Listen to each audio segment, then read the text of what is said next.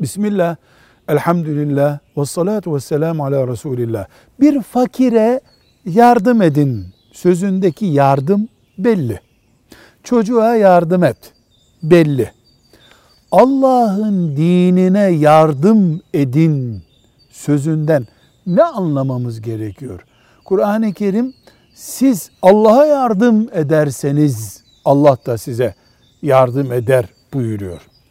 Bu Allah'ın dinine yardım etmek sözünün en büyük anlamı onu yaşayın demektir. Düşmanlarına karşı dinin yanında olun demektir. Dininizi tebliğ edin. Dünyaya, insanlara yayın demektir. Böylece onu korumuş olursunuz. Koruyunca dine yardım etmiş olursunuz. Dine yardım edenlerden olursanız Allah da size yardım eder demektir. Velhamdülillahi Rabbil Alemin.